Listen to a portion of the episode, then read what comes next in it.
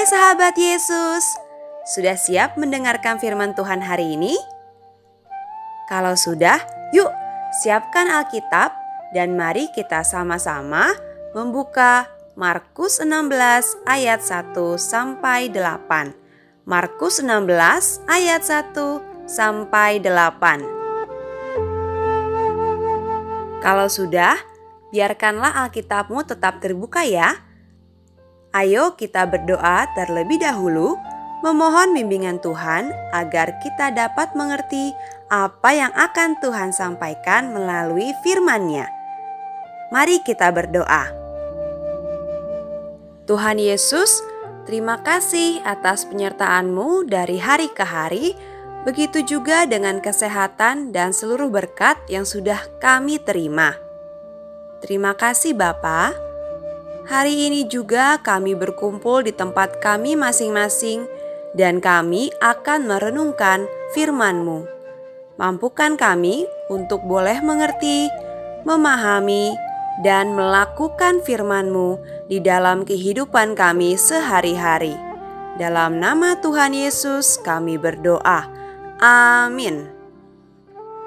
Renungan hari ini berjudul Percayalah, ia telah bangkit. Sebelum mendengarkan renungan, mari kita membaca firman Tuhan yang tadi sudah kita siapkan. Firman Tuhan diambil dari Markus 16 ayat 1 sampai 8. Kebangkitan Yesus.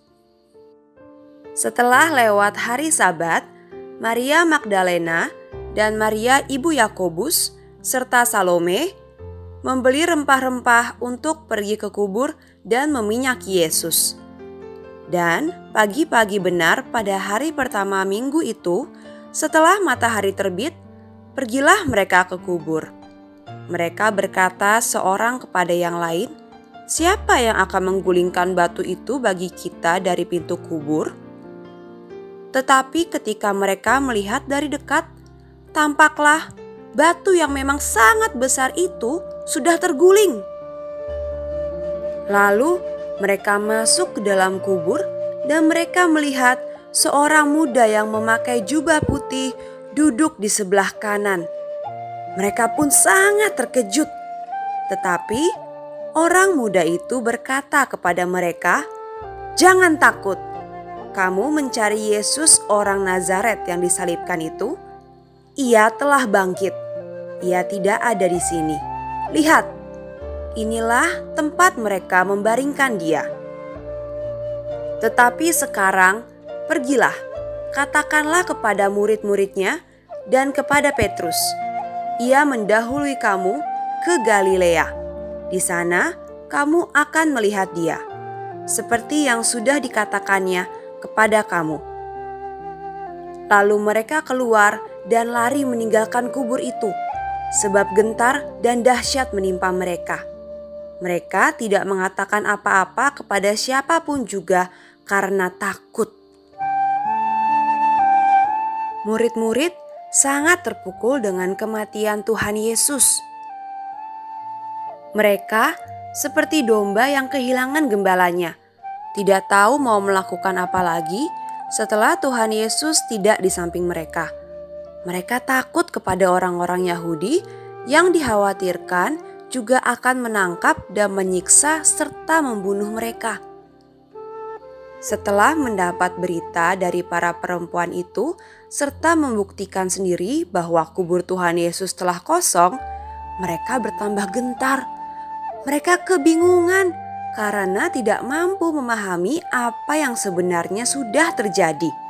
Mereka gentar Jangan-jangan ada tuduhan bahwa mereka yang mencuri mayat Tuhan Yesus.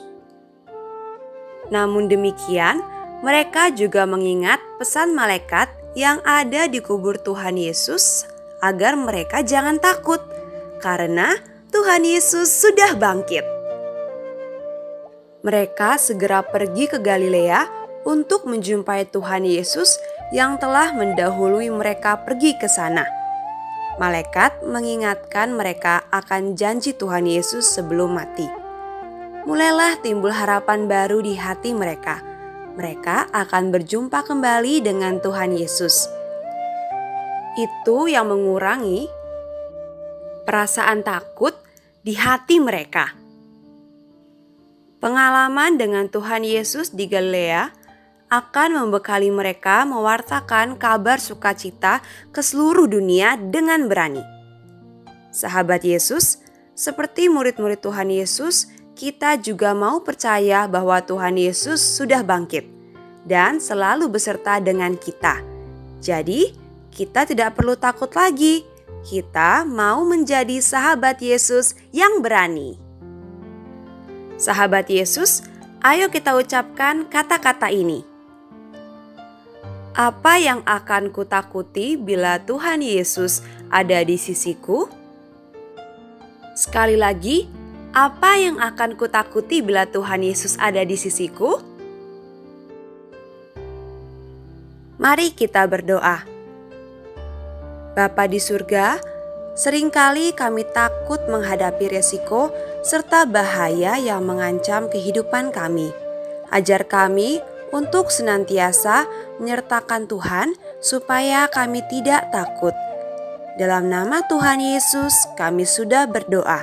Amin. Tuhan Yesus memberkati.